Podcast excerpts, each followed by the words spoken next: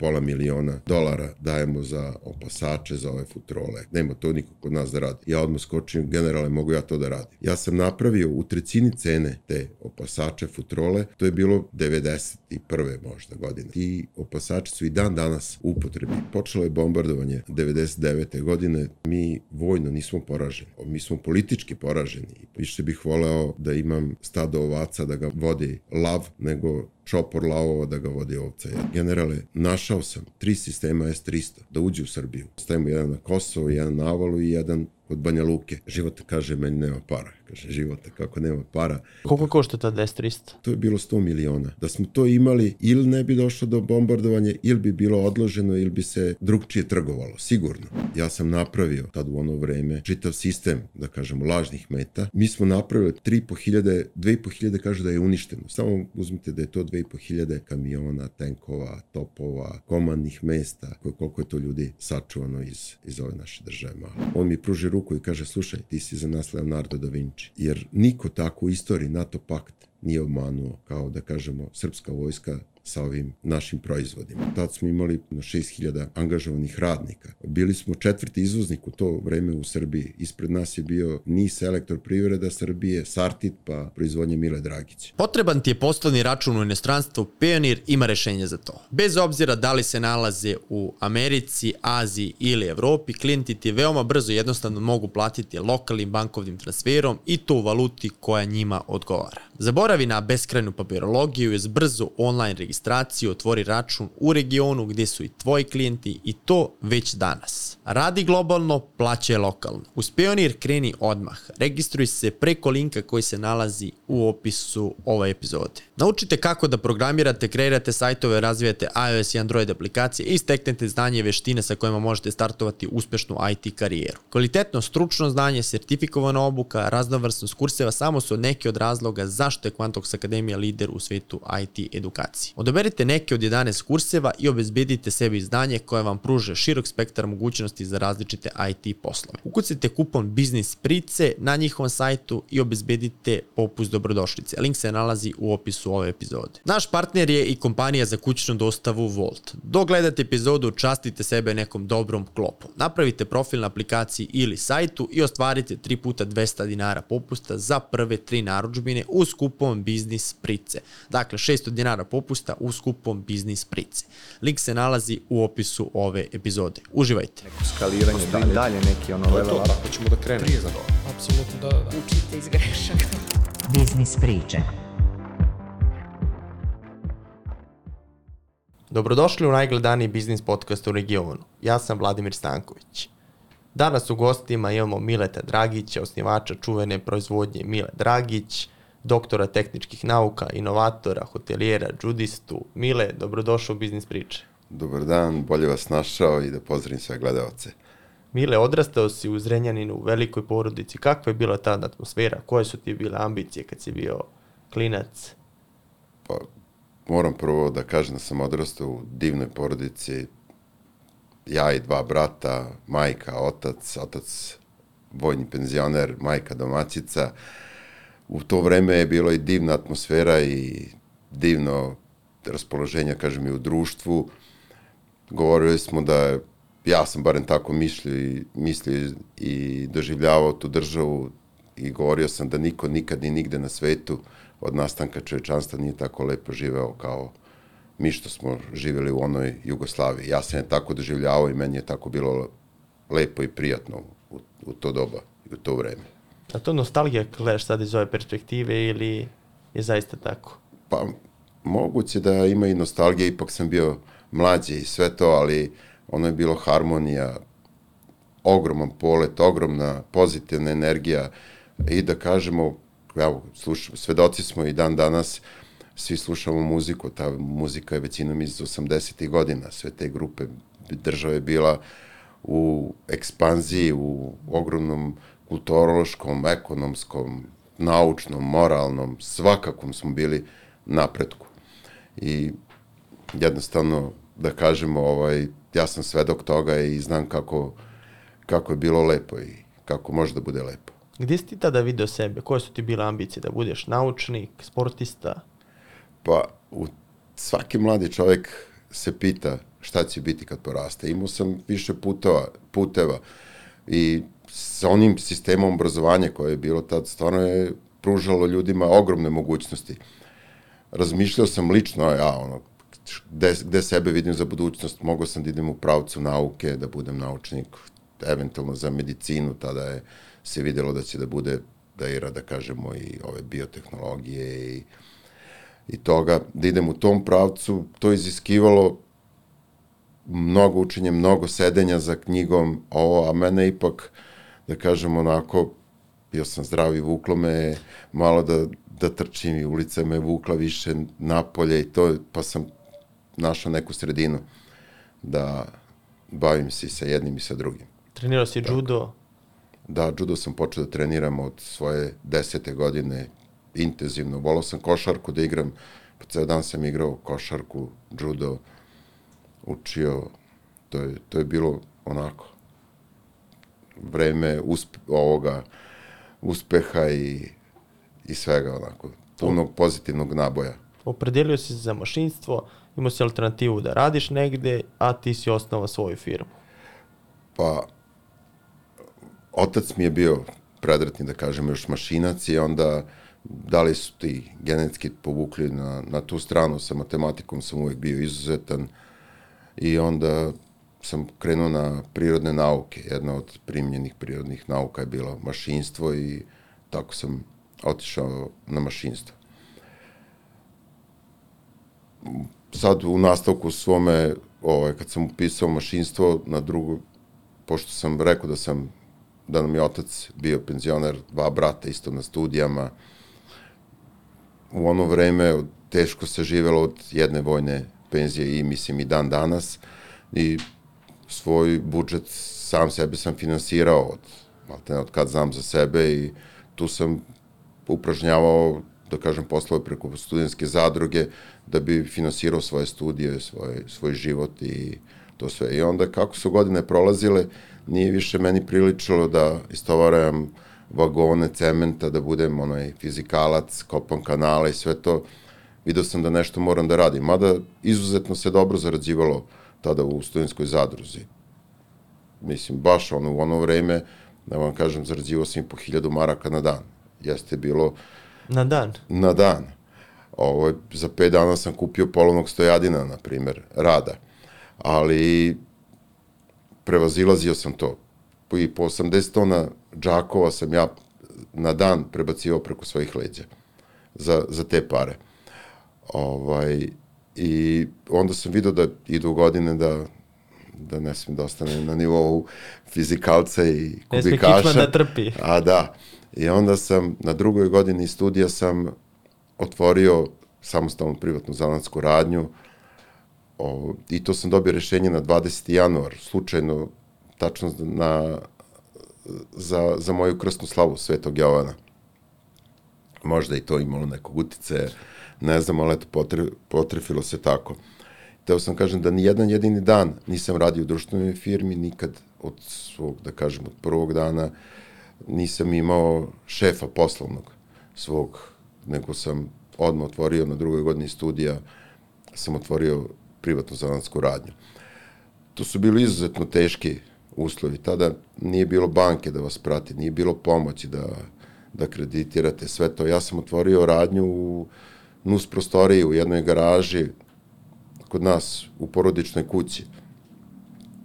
Kupio sam, preko studentske zadruge sam zaradio, kupio sam jedan polovni automatski strug i teo sam da vršim substituciju uvoza tad. U ono vreme je zanesen rodoljub zašto da plaćamo strancima kad ni, nešto mi možemo da radimo. Našao sam proizvode koji su se uvozili u Srbiji.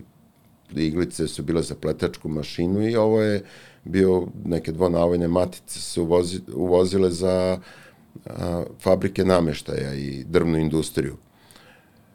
Niko to nije radio u Jugoslaviji ja sam to krenuo da osvojim tu tehnologiju koja nije bila jednostavna i to sam uspeo i tako sam krenuo. Znači uvek sam birao da radim nešto što je malo teže, zahtevnije, ali što je manja konkurencija ovde kod nas i što nisam imao konkurenciju u, u, u domaćoj državi.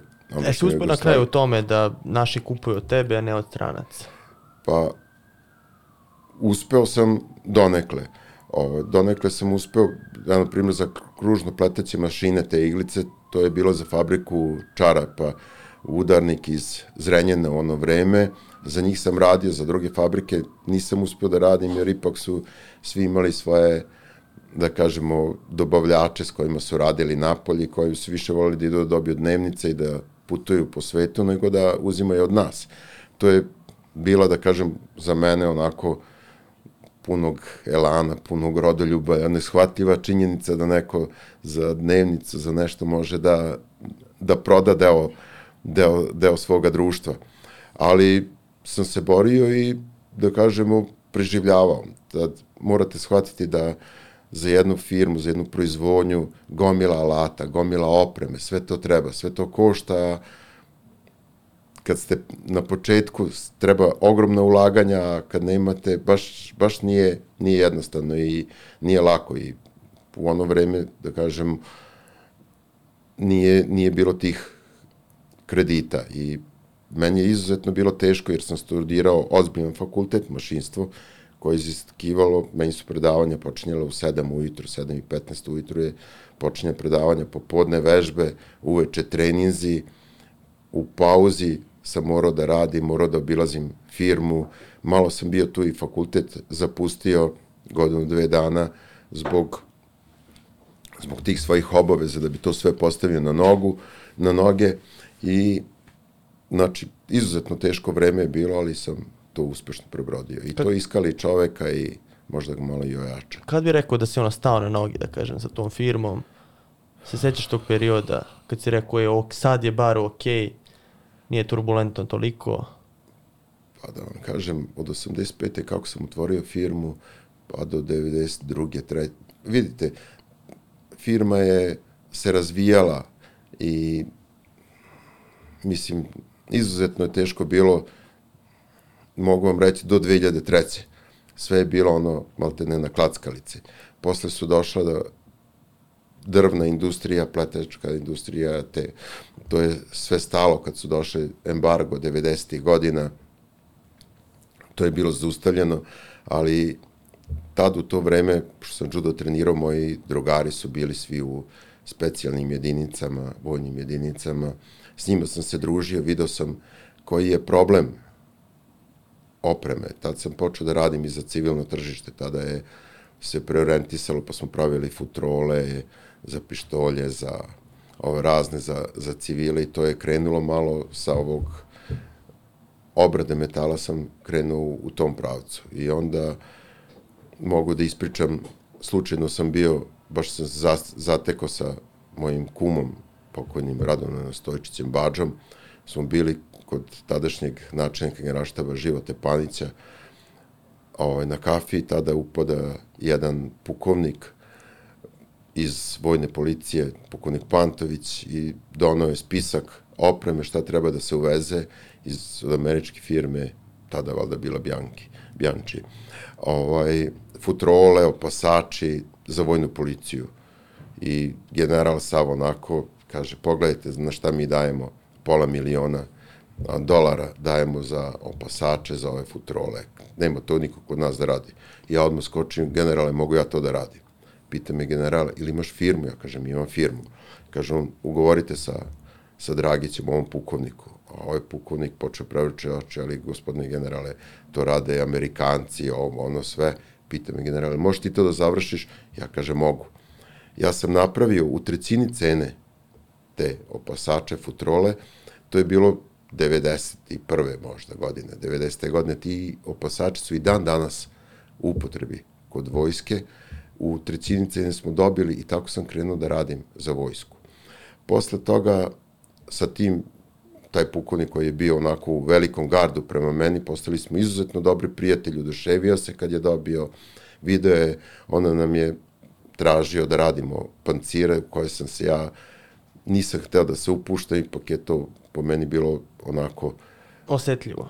Osetljivo, prevelika odgovornost, morate imati veliku opremu za, za kontrolu ulaznih materijala, unutraš, ovaj, prijemnu kontrolu, za sve, ali kako je kako su počinjale ratna dejstva i kako je naša vojska bila izložena da, da kažemo velikim rizicima, kako je trebala zaštitna oprema, kako zaštitna oprema nije mogla da se uveze, pošto je embargo bio, ja sam počeo da uvozim a, repromaterijal i da pravim jedne od najkvalitetnijih pancira na, na svetu i posle toga sam krenio da pravim a, Šlemove. balističke šlemove i do dana danas mislim da moja tehnologija, lično moja tehnologija je za te šlemove napravili smo šlem koji je lakši od stranih, a ima veći nivo ove balističke zaštite.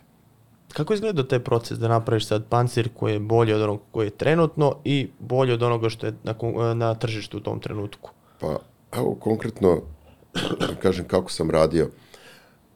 Imate mnogo vrsta materijala balističkih i neki su dobri za jedno, neki su dobro za drugo. Nije isto pancir za policiju i pancir za vojnika. Vojniku više preti opasnost od gelera, parčadnog dejstva granate, nego od samog metka, dok za policajca je drugo, njemu više preti opasnost od metka. I trebalo je napraviti neki miks taj i u tome da, da bude što lakši, da bude komforan, a da ima zaštitu. I onda još ima, i kad dodate tu i, i vremenski faktor, da, da to što duže traje, da se što više da kažemo, izdrži, da imate mehaničke osobine, onda treba izabrati. Mi smo imali laboratoriju, ogromna sredstva sam dao za kupovinu raznih materijala da bi pronašao pravu kombinaciju. I u tome mislim da smo uspeli i što je velika stvar za mene i mene, moju satisfakciju, da su ti panciri, zaštitne balističke ploče koje smo pravili, mnogo života spasili. Često mi se dešava da, da ljudi mi priđu i da kažu da su nosili moj pancir, moju ploču, da su imali pogodak i da je ovaj da su ostali živi samo zahvaljujući tim proizvodima koje smo mi napravili. U zased je upao ovaj vojno vozilo je na Kosovo upalo još dok, dok su bili teroristi. O, albanski pucali su, oficir je ranjen, vozač je i izašao iz kola, borio se, ponovo seo posle u kola, došao u kasarnu, tek u kasarni kad je došao, primetio je da je u kičmi ima rupu u, ploču, pošto je nosio i ploču na leđima.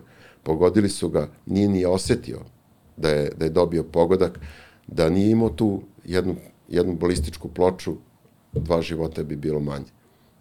E su bili naši skeptični samo- prema, prema tim pancirima, posebno u samom startu? Pa da vam kažem, u...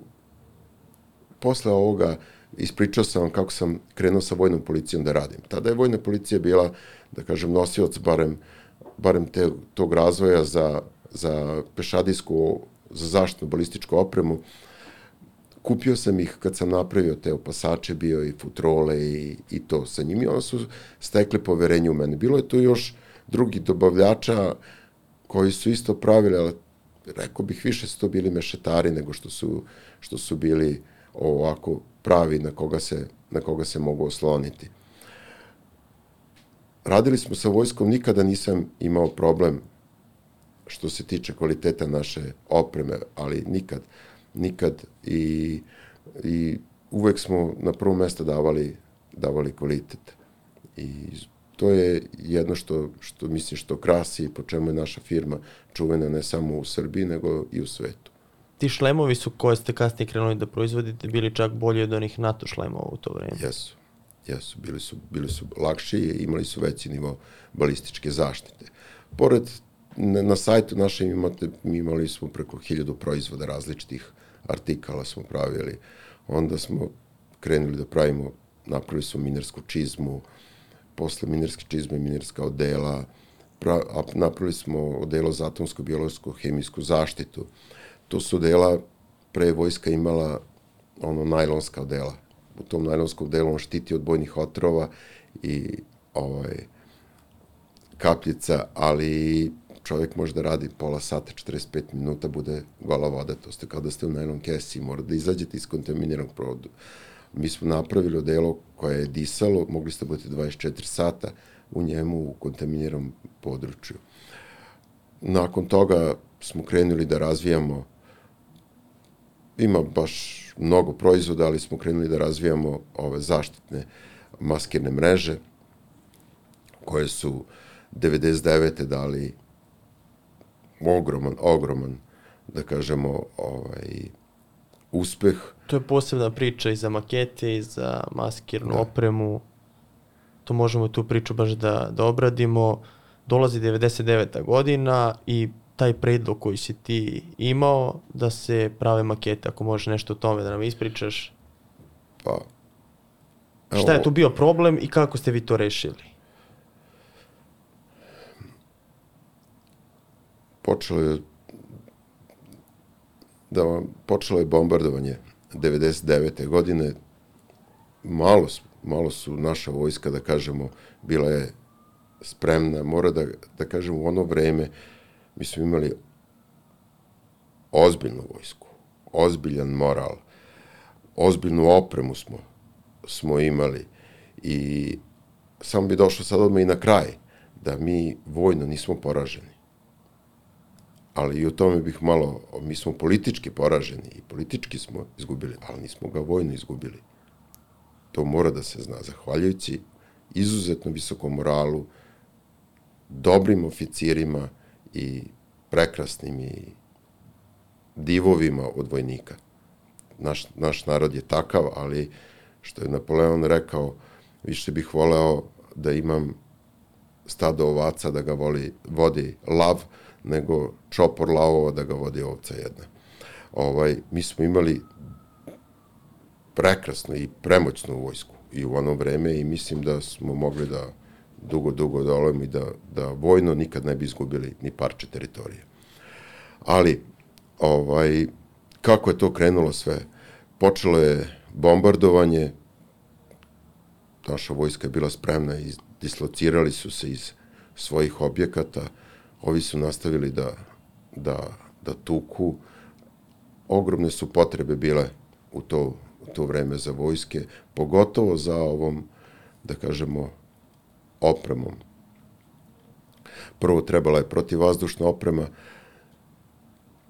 Preskočio sam još jedno, jedno parče koje bih hteo da kažem, da u našoj vojsci nismo mi, nije bilo nespremnih a, i nije bilo oficira koji ne znaju. Sve su to znali, ali od samog vrha, to ono što sam malo pre spomenuo za Napoleona, nije, nije funkcionisalo. Kako nije funkcionisalo? Ja sam još 1990. godine, kad sam video gde sve ovo ide, baš kod tog generala, načinka Živote Panića, rekao, generale, našao sam tri sistema S-300 da uđe u Srbiju. Da kad pređe u granicu, kad vojna kontrola pregleda, tada se izvrši plaćanje. Tako sam dogovorio. Rekao sam stavimo jedan na Kosovo, jedan na Avalu i jedan kod Banja Luke da, da čuvamo. Uzeli bi naravno i prateće sisteme, buk i ovo sve što treba da, da se to obezbeđuje. Život kaže, meni nema para. Kaže, život, kako nema para. Mi smo tada davali samo za kršenje embarga makedoncima po 2 miliona maraka u ono vreme. Kaže, života nema para. Kažem, života, sve sam dogovorio, samo za pare si trebaš da pošalješ čoveka za Srbiju sam spreman da dam život, ali nisam spreman za pare. Pošaljite, ugovorite, kaže on, nema para. Ja kažem, život. A koliko košta ta 10-300? Pa, da vam kažem, u ono vreme ja nisam teo da pričam o parama, ali to je bilo 100 miliona se moglo uzeti tad u 90. Kako si ti našao S-300? Preko Rusije? Pa, sad ne bih o tome da, da pričam, ali bih teo da kažem da sam sredio sve da uđe i preko kog graničnog prelaza i sve da uđe. Da smo to imali, ili ne bi došlo do bombardovanja, ili bi bilo odloženo, ili bi se drugčije trgovalo, sigurno. Ali, mislim da, da, ne da mislim, nego to je bilo sve dogovoreno, sve je to bilo izrežirano iz jedne iste kuhinje, gde su bili ljudi, po mom mišljenju, na kraju krajeva i videli smo koje, za koga su radili, da nisu radili za Srbiju. To je ono što sam opet rekao sta, čopor lavova i stavite novcu da vas vodi. Ovaj, teo sam da kažem da je u vojsci bilo puno znanja, da, su, da je vojska mnogo znala, da je vojska govorila, tražila, ali kad nije bilo političke volje da se to odradi, onda je, onda je ovakav bio, da kažemo, scenariju kakav, kakav smo sad doživeli.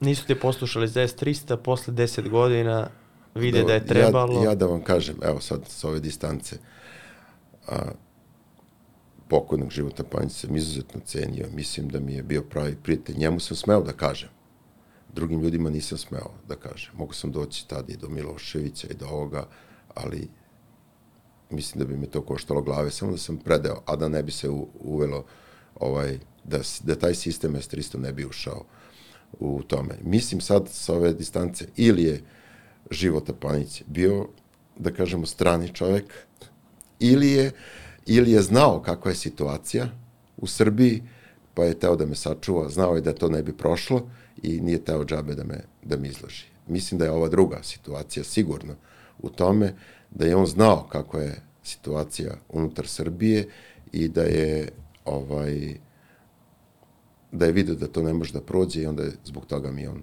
na taj način tako rekao. Ali sam ovo teo da, da znaju gledaoci da, da, da nismo zbog neznanja, da nismo zbog, zbog nekih stvari ovako prošli, nego čisto zbog ljudi koji su vodili državu, a koji nisu radili najbolje u interesu svoga naroda. Dolazi vreme bombardovanja i tvoje rešenje je sačuvalo mnogo života, mnogo opreme, a veoma jednostavno. Dolazi vreme bombardovanja, nemamo ovaj S-300. Nemamo S-300 da nam čuva naše nebo, imamo pilote koji su imali lavovsko srce, imamo lavove koji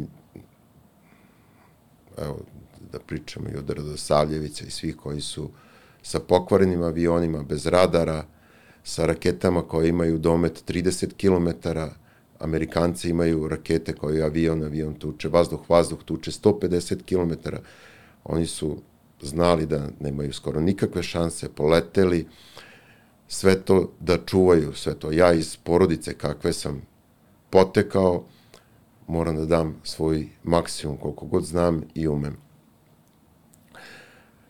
Sa svojim ljudima, da kažemo, krenemo da radimo, tada je od 1 do 2 šlepera robe dnevno izlazilo iz naše firme.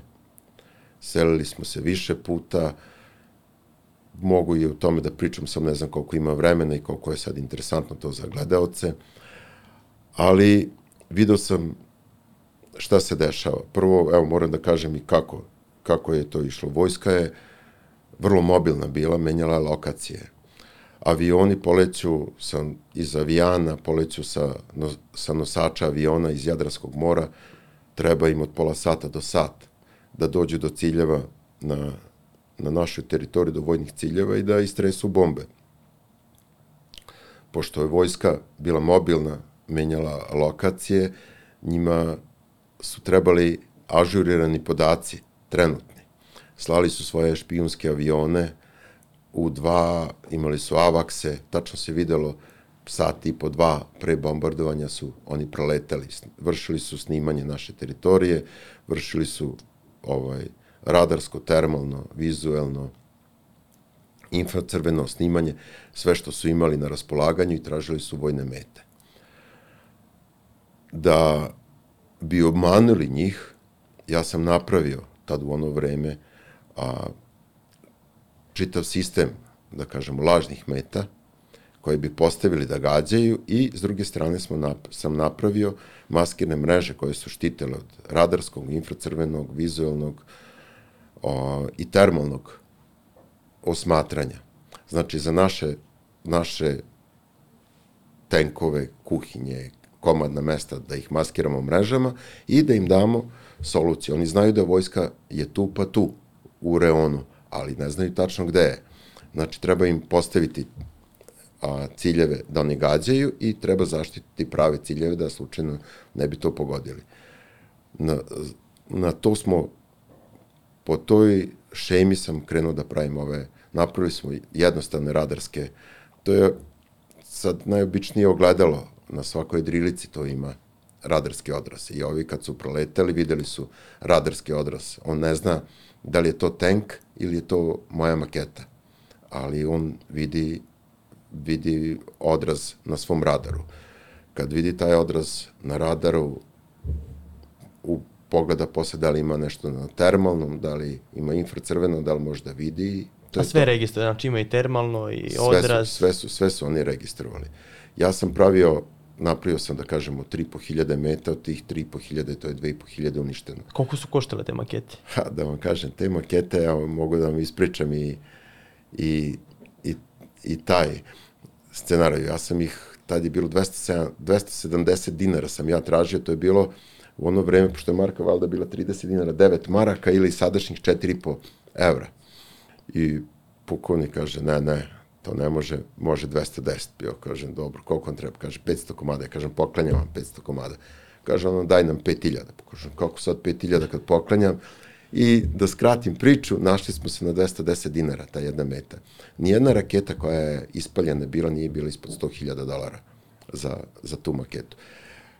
Mi smo napravili, to je lako bilo i kopirati, to je obično od, od lima napravljeno, ovaj, 3.500, 2.500 kaže da je uništeno, s tim što su kad pogodi ova raketa, ona izbaci zemlju i ta maketa odleti, onda su ljudi vojska ispravljala, kucala to, ponovo sastavljala i, i ponovo postavljala.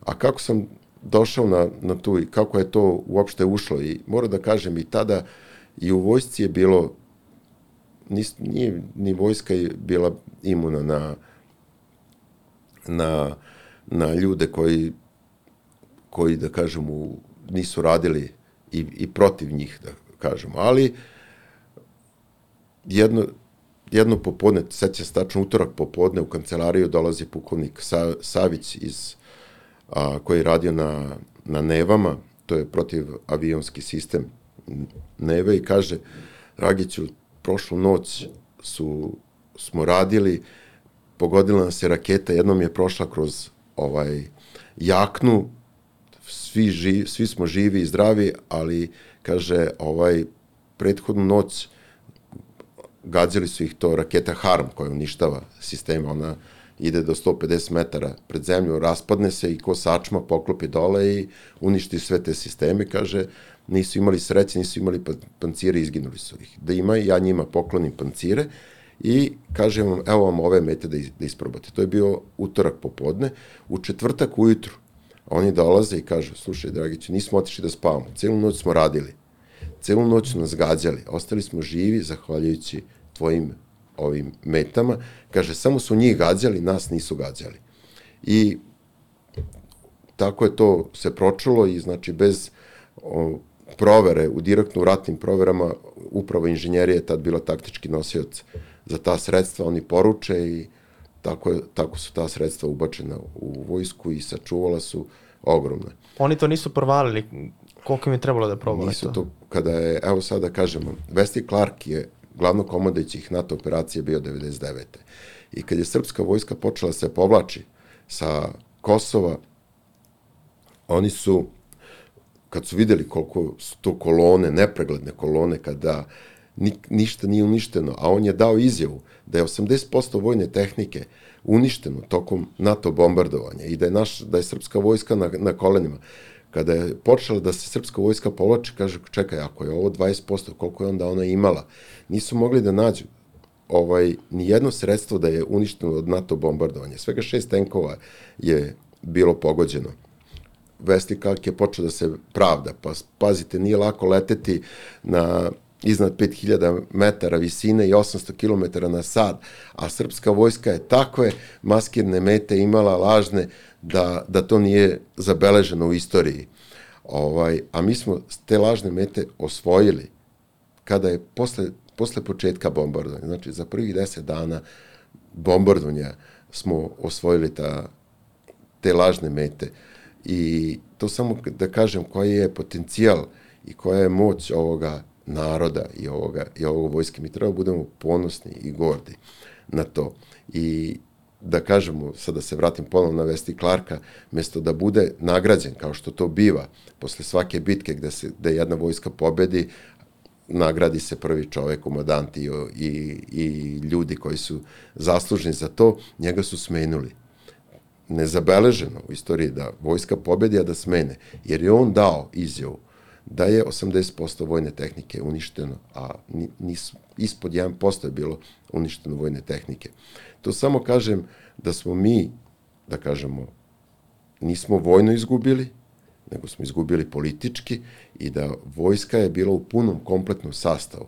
I kad gledamo, to opet pokazuje našu političku, da kažemo, slabost ovih ljudi i ondašnje vlasti i Miloševića i čitave one garniture koji su se povukli, a da nismo vojno, vojno bili poraženi. Znači Mile Dragić je kriv za, zato što Wesley Clark nije dobio napređenje?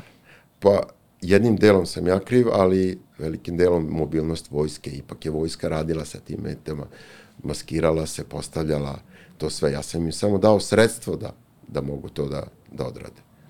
Kasnije kad je prošlo bombardovanje, čak si imao je posetu jednog NATO zvaničnika koji ti je čestitao. Da, evo i, i za, za posle, evo, posle NATO bombardovanja bio sam na, na vojnom sajmu u Atini i gde su me zvali da budem predavač na Vojnoj akademiji, da predajem maskiranje u, u Atini. Tada još bio Milošević na vlasti, nisam znao u kom ćemo pravcu krenuti, da ćemo ponovno da ratujemo s njima ili nećemo da ratujemo i, i to nisam prihvatio. I onda su došli, tada je bio Montgomery, čini mi se ovde, ambasador u američki sa šest vrhunskih oficira, onaj high level oficira u, iz NATO su došli u obilazak moje firme da vide ovaj, šta, se, šta se sve to dešavalo, kako smo pravili to. I kad su pregledali to sve, čovek, mislim, čovek mi je ovako rekao, pitao me kako, kako pevam. Ja kažem, da pevam, ne pevam nikako. Kako slikam? Pa kažem onako, ali nemam vremena da se bavim sa tim. On mi pruži ruku i kaže, slušaj, ti si za nas Leonardo da Vinci jer niko tako u istoriji NATO pakt nije obmanuo kao da kažemo srpska vojska sa ovim našim, našim proizvodima. To je, da kažemo, meni, meni priznanje i jedna velika, velika stvar. I sa tim sredstvima, pa nema teško to i izračunati, ali samo uzmite da je to 2500 tih meta što je uništen, da je to 2500 kamiona, tenkova, topova, kuhinja, komandnih mesta, da se uzme po broj ljudi koliko je, koliko je to ljudi sačuvano iz, iz ove naše države male. I NATO pakt je ovaj, posle te 2001. 2001. sve radare promenuo da više ove mete ne mogu da obmanjuju te, te radare. Uveli su nove radare, koliko ih je samo i to još, još koštalo. I oni su ti dali priznanje, jesu ti našli dali priznanje? Dobio sam jednu malu ovaj, papirnu ovaj, diplomu i zahvalnicu za doprinos tokom NATO bombardovanja. Ovaj, meni je i to dovoljno, da kažem. Ovo, I onda, evo sada pričam, i onda posle toga ipak se pročulo, ovaj, moram da kažem i ovo, da da tokom tih 99. godine, da ja sam rekao da je jedan do dva šlepera robe izlazilo dnevno iz naše firme. Četiri puta smo menjali lokacije, selili se, da bi, da bismo preživeli sve to. Za, za svu tu robu je trebalo ogromne količine repromaterijala. Mi smo se zadužili. Ja, vojska tad je malo plaćala, izuzetno malo. Ovaj, uzimo sam robu, meni su strani dobavljači na reč davali robu. I za vreme NATO bombardovanja smo uvozili Kevlar, radili smo sve to. Tražio sam kredite od domaćih banki, nisam mogao da ih dobijem. Strane banke su mi davali kredite. Ja sam pitao i ljude, pa čekaj, ja, kad stigne roba, kako, kako si mogao da mi daš? Ja ipak idem u rat tamo, može da me zvekne sutra ovaj, bomba i to sve, kaže on, mi tebi verujemo, ti ćeš nama to platiti. I sve sam vratio, sve sam platio, a moram da kažem da je bilo teško da se zna ishod. Mogli smo da prođemo kao Irak, da je, duž, da je dugo potrajalo kao Irak, meni ništa ne bi bilo plaćeno. Ovaj, ali, hvala Bogu, sve se ovako završilo i nikome dužan nisam ostao. Samo da kažem da i u tom vreme smo bili u ogromnim gubicima. Vojska je platila to sve što smo radili, dugo teglo, sto jedno, tri, četiri godine da bi oni sve to izmirili, ali, ali, smo, ali smo naplatili sve svoje. I to ono kad ste pritali kada mi je firma stala na noge. Pa nije mi stala bilo na noge do, do 2003. 2003. smo počeli izuzetno puno da radimo za izvoz, tad smo imali, ja kažem, jedno 6000 angažovanih radnika. Bili smo četvrti izvoznik u to vreme u Srbiji. Ispred nas je bio, da ne mislimo na red, NIS elektroprivreda Srbije, Sartit, pa proizvodnje Mile Dragić. I onda dolaze ona famozna 2005. godina, gde ovi isceniraju aferu i firma posle, da kažem, pet godina nas, koja je dala toliki doprinos Srbiji da ne sme da učestvuje na tenderima, što je osnovno javni tender, nisu nam da dozvoljavali da učestvujemo na tenderima, počinje hajka iscenirana, sudski procesi, sve to i da I kažem, to je taj, da kažem, zahvalnica. I, I to je taj. I onda što se, što se kaže, ovaj, evo, ako mi je jasno ono što sam na početku rekao, još da sam malte ne večiti opozicioner od raspada, da kažemo, ono stare predsjedništvo posle smrti Tita, da kažem, kad je bilo ono, predsjedništvo, kritikovao sam taj sistem, videli ste onda za ovaj sistem kad sam krenuo, kad sam videlo da, da ljudi ono, idu napolje sa dnevnice, onda 88. godine ja sam tad bio predsednik studenta na mašinskom fakultetu, bila mašinijada, dolazili su studenti iz cele Jugoslavije stare. Rekao sam im, ljudi, ovi će nas pocepati, što će nam lepo, svi, svi kažu super nam je, pa daj da ne dozvolimo to. Svi su me gledali bledo, mislim da je pola bilo možda i pod kontrolom službi bezbednosti koje su radile za, za raspad, a ne da, za sačuvanje, a ja sam teo sve vreme da čuvam i onda i od 2001. kad su došli ovi, isto je to po meni počelo uništavanje, mislim da je, da je država mogla mnogo, mnogo više da, i mnogo bolje da bude, da budemo mnogo bogatiji, mnogo srećniji, mnogo zadovoljniji, mnogo moralniji, da, da ljudi ovde imaju bolje uslove nego da idu napolje, da nisu morali da, da, da kažemo, naši najbolji, najpametniji traže izlaz negde napolje, da smo sve to mogli da ostvarimo ovde, samo da, da da su ljudi koji su vladali Srbijom bili malo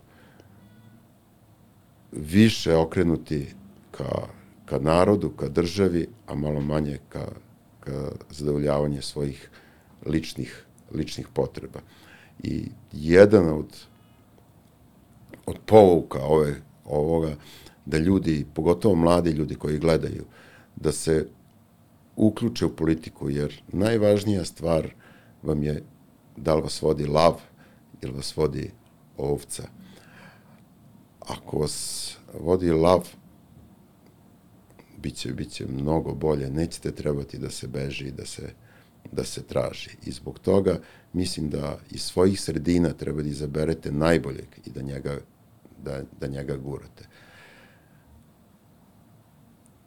Mnoge države imaju, nemaju ni približno kapaciteta a, intelektualnih, moralnih, kao mi što imamo, a bolje prolaze od nas. Samo zato što ih vodi lav. E, zbog toga ljudi izaberite iz svoje sredine najbolje ljude da, da, da, vas, da vas vode, svima će biti bolje.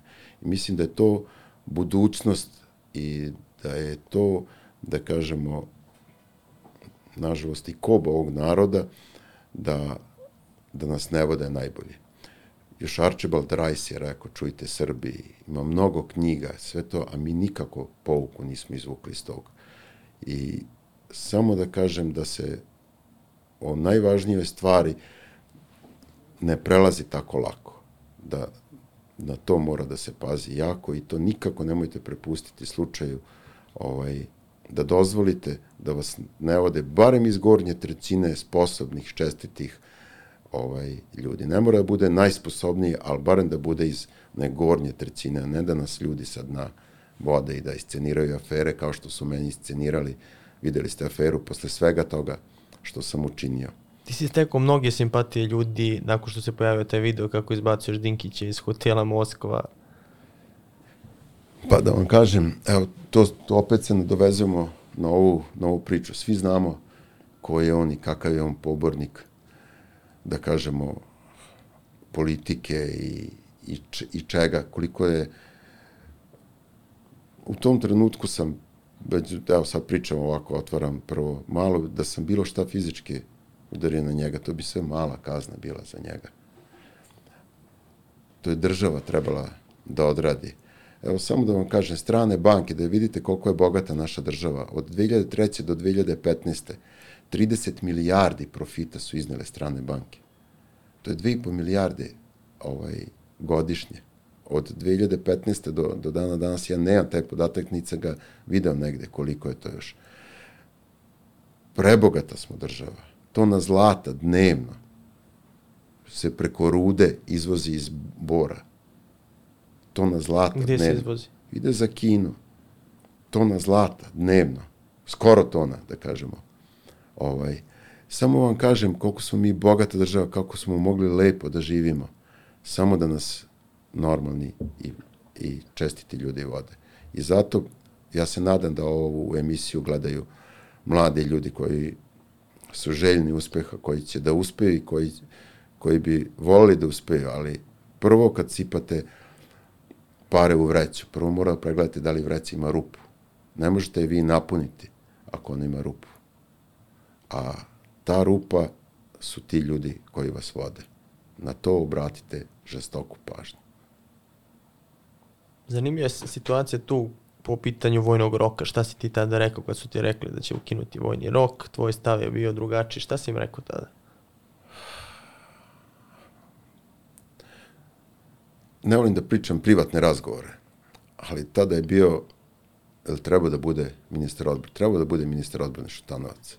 Mi smo sedeli i on se nešto neckokovo, ja mu kažem, pa najveća čast srpskog roda je da, da budeš ovaj, ministar odbrane. Meni je barem, barem velika čast. Pa ne, da, da ne pričam, ne volim da iznosim iz privatnog. I on kaže, ukinut će vojni rok. Ja kažem, pa što ćeš ukinuti vojni rok? Pa to nama treba, našoj državi. Naša država imala je 45 godina mira, najduže. Od 45. do 90. Tad smo imali prejaku vojsku, što sam pričao. Znači, jaka vojska je stabilnost i garant mira. I dan danas sam zabrinut, dan danas neko možda zapali da, da imamo rat ako, ako mu se cefne. Ako smo slabi, zapalit će. Ako smo jaki, neće nas dirati. Ko će glasati za mene? E, kad dođe takvi političari koji gledaju samo da ja ostanem 3-4 godine i da ostavim iza sebe haos drugome, ko će da me nasledi, da ljudi pričaju, e, bilo je dobro dok je on bio, sada je mi je gore. Nema nama sreće. I na to ljudi mora da se pazi. Da prvo mora da napravimo neku strategiju, da se po toj strategiji vodi, pa bez obzira ko dođe da ide po nekoj strategiji razvoja. A što se tiče bezbednosti, malo država hoće da ulaže da je nebezbedna situacija. To vam je garant. Spomenuo sam u uvodu, ti si ušao i biznis deo, jedan biznis deo čine i hoteli. Je to bio prvo sa ulaskom Moskve, je li tako? Pa evo sad da vam kažem, ovaj, 2020. Ovo, ovo kad, kad je došla ova posle 5. oktobra smena vlasti, tad se počela ono da, da kažem, prodaja društvene imovine, u redu, tako se to desilo. A mene je to nekako ko čoveka, ko rodoljuba, ono što su naši očevi radili, stvarali, da se to sve rasproda, kao, kao i što smo videli da je uništeno. Mi smo pre imali tehnologiju i pravili, stara Jugoslavija je pravila od podmornice do aviona sve, svega šest država na svetu je imalo tehnologiju i znalo da napravi od podmornice do aviona. Mi smo sve to, da kažemo, prodali, doveli strane firme koje su stavili tablu, na tablu izvukli žutu, crvenu, brown liniju da vuku ljudi, inženjeri koji su pravili, konstruisali podmornice, sada da, da vuče kabel po žutoj liniji, to sve, sve to ko čoveka me izuzetno pogađalo i borilo. I nisam teo da učestvujem u, u toj, u, u tome, ali kad sam video koliko ide, kad sam video kako se država podnela čisto da bi obezbedio sebi egzistenciju sa sredstvima koje sam imao, onda sam uzeo ove akcije od hotela Moskve i, i tako sam krenuo, da kažemo, investicije, čisto da bi obezbedio sebi ovaj, budućnost neku sigurno, koliko toliko sigurno.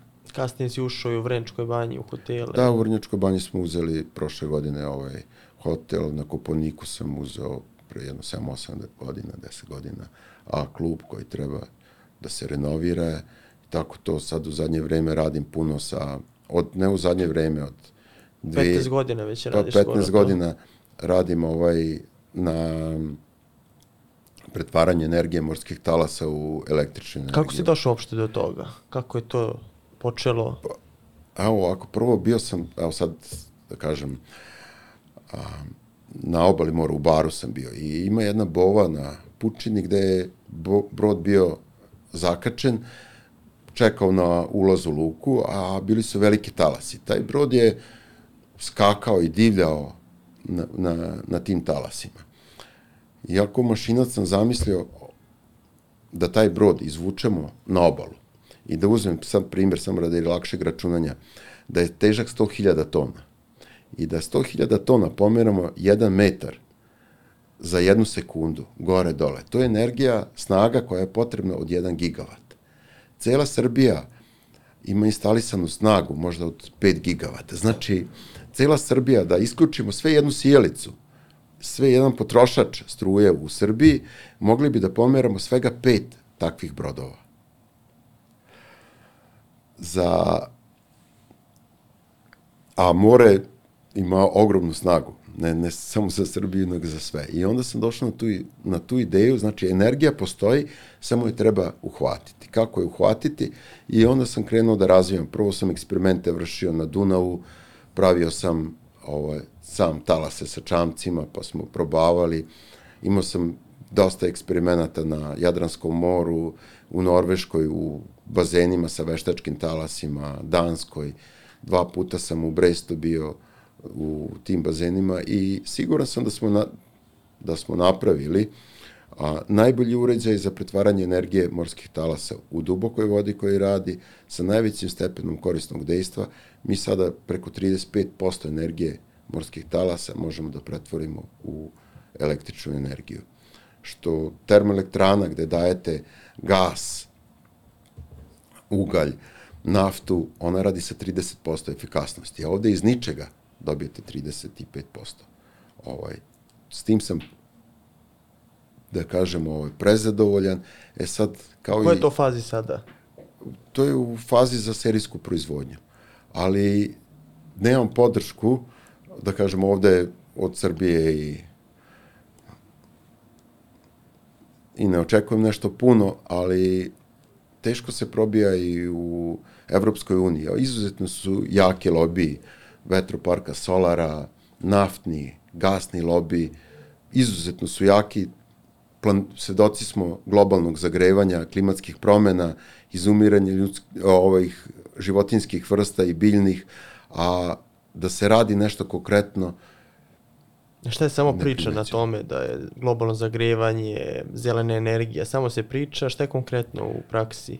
Pa evo ja, ja ne Obilaziš i sajmove. I... Vidite da vam kažem, ovaj naš uređaj ima sertifikat od Evrope Marine Energy Centra koja je ovlašćena institucija Evropske unije za sertifikovanje takvih uređaja.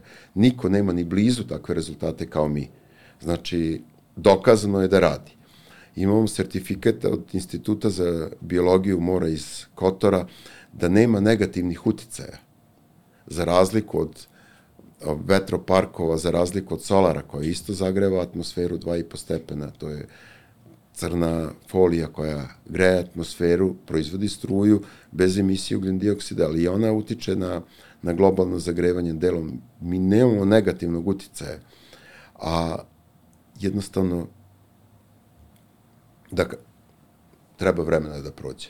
Ne mogu da, da, da kažem da ne verim Tomama, ovaj, pređemo preko toga, ali borim se i sada smo u završnoj fazi implementacije našeg sistema u to. A to ako uspemo i ako se ne okrene na neko drugo, što ja ne vidim da imamo sad konkurenciju, mislim da će to da, da promene planetu i da će promeni ovaj, uopšte, da kažemo, proizvodnju električne energije. Ali imaš konkurenciju na tom polju u svetu?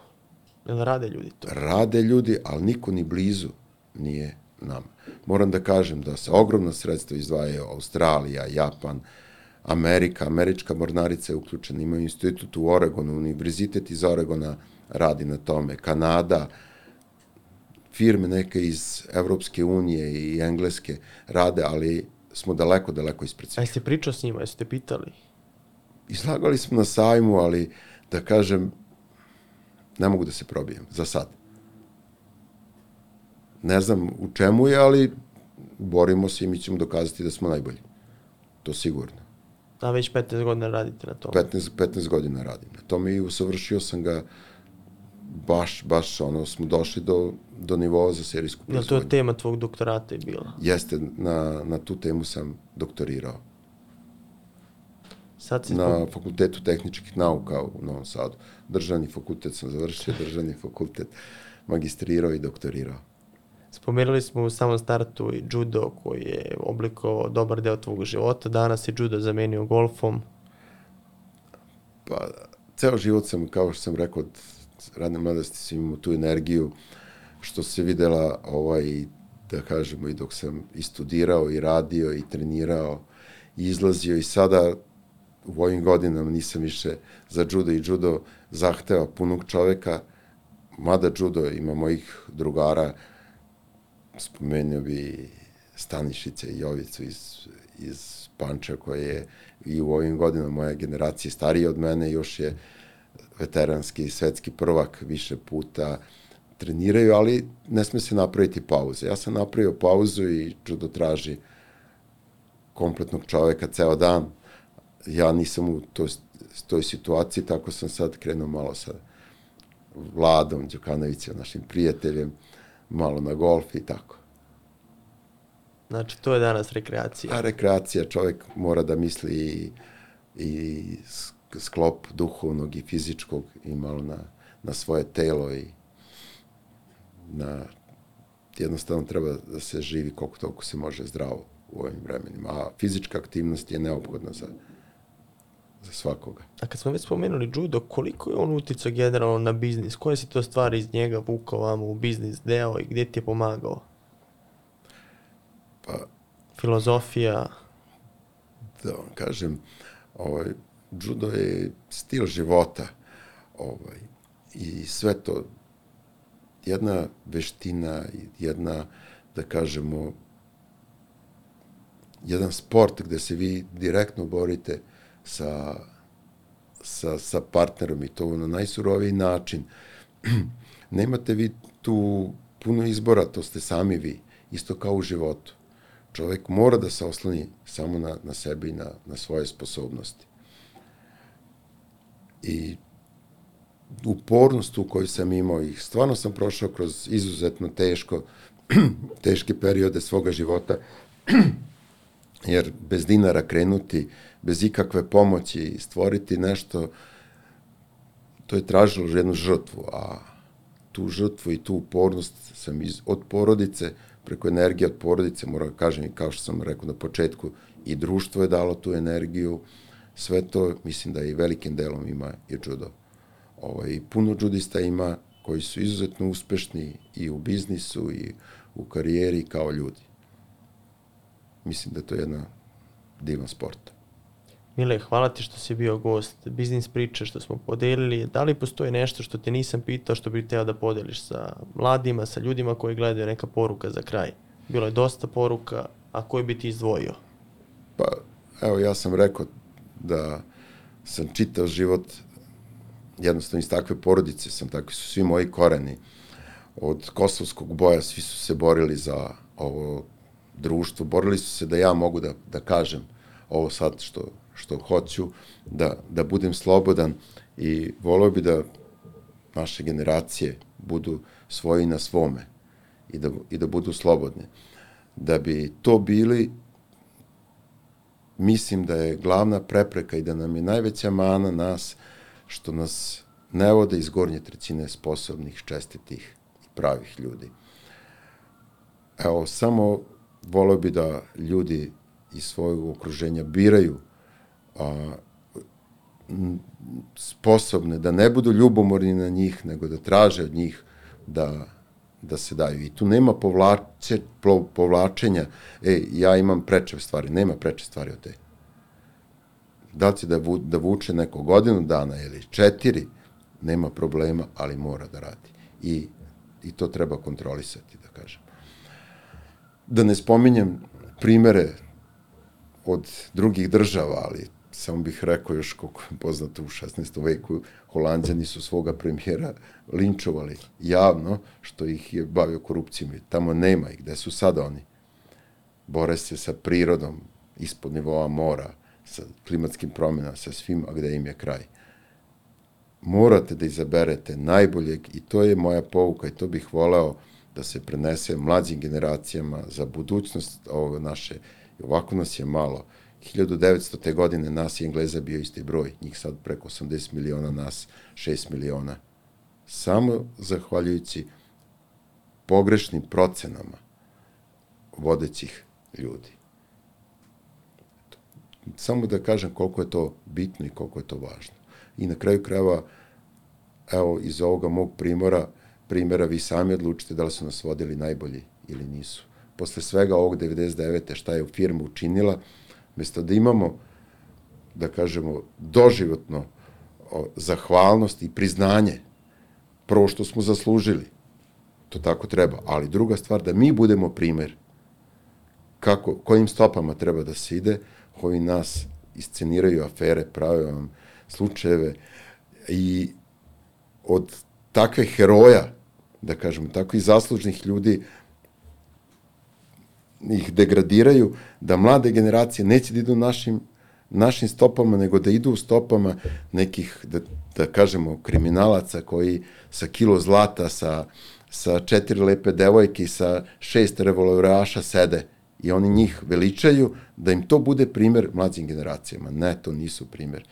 To je, to vodi u propast, to vodi u sulu, suludu, suludi, samuništavajući život treba da, da živimo kao zajednica, kao jedno zdravo društvo kako, iz kakvog sam ja pristakao. I kažem, ne bi moglo niti da imamo tu tehnologiju da pravimo među šest država na svetu, da budemo, da nismo bili zdravo društvo i napredno društvo. Teo bi da kažem još i ovo što se malo zna, prve svemirske tehnologije, pored Rusa, se razvijalo u Jugoslaviji. Sav Apollo program u Americi su naši ljudi odavde su uzeti.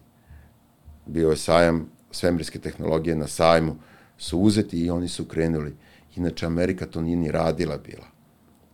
Sve to što smo mi radili da bude pandam i uz njihov marketing se navodno napravilo da budu iznad Rusije.